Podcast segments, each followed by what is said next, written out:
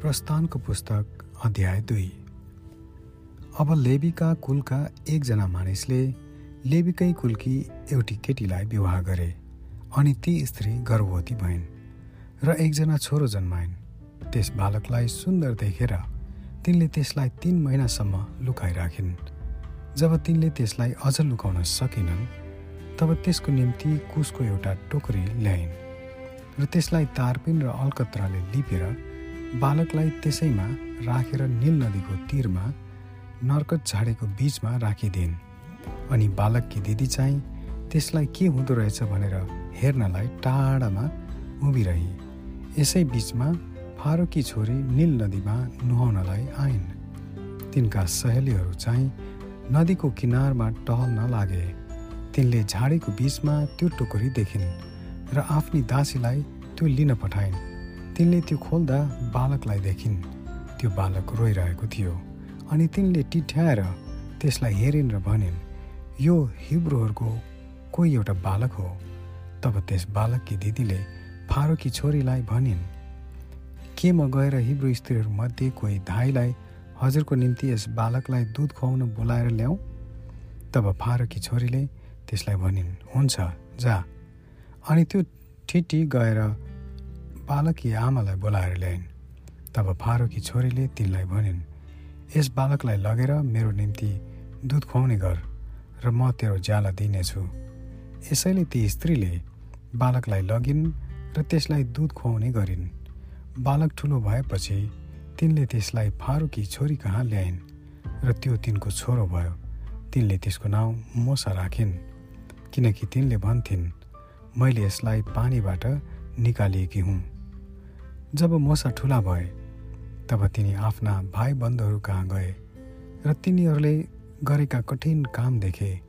तिनले आफ्ना भाइ बन्धुहरूमध्ये एकजनालाई अर्थात् एकजना हिब्रूलाई एकजना मिश्रीले हिर्काइरहेको देखे।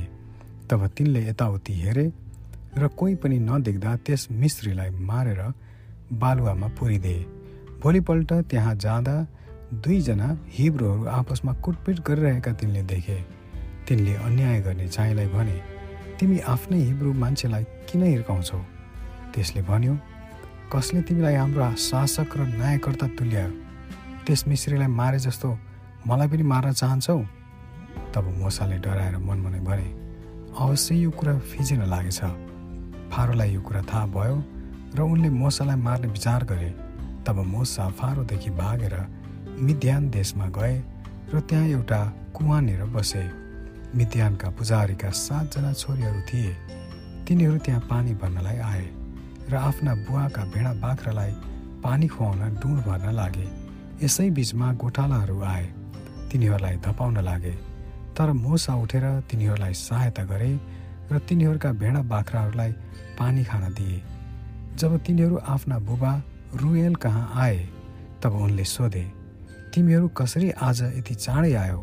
तिनीहरूले भने एकजना मिश्रीले हामीलाई गोठालाहरूका हातबाट छुटाए। त्यसबाहेक तिनले हाम्रा निम्ति पानी तानेर भेडा बाख्राहरूलाई पनि खानिदिए तब उनले आफ्ना छोरीहरूलाई भने तिनी कहाँ छन्? किन तिमीहरूले ती मानिसलाई छोडेर आयो?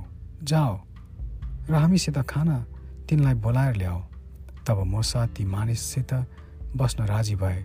उनले आफ्नी छोरी सिपोरा चाहिँ मोसालाई विवाह गरिदिए। सिपोराले एकजना छोरो जन्माइन् र छो मोसाले त्यसको नाउँ गिर्सोम राखे। किनकि तिनले भने म विदेशमा प्रवासी भएर बसेको छु। धेरै दिन बितेपछि मिश्रका राजा मरे। इजरायली जातिले दासत्वको कारण सुस्केर हालेर पुकारा गर्न लागे। दासत्वको बन्धनमा तिनीहरूले गरेको पुकारा परमेश्वर कहाँ पुग्यो? परमेश्वरले तिनीहरूको सुस्केरा सुन्नुभयो। र अब्राहम इसाहक र याकुबसित गर्नुभएको आफ्नो करार सम्झनुभयो। यसैले परमेश्वरले इजरायलीहरूमाथि नजर राख्नुभयो र उहाँ तिनीहरूको अवस्थामा चिन्तित हुनुभयो। आमेन।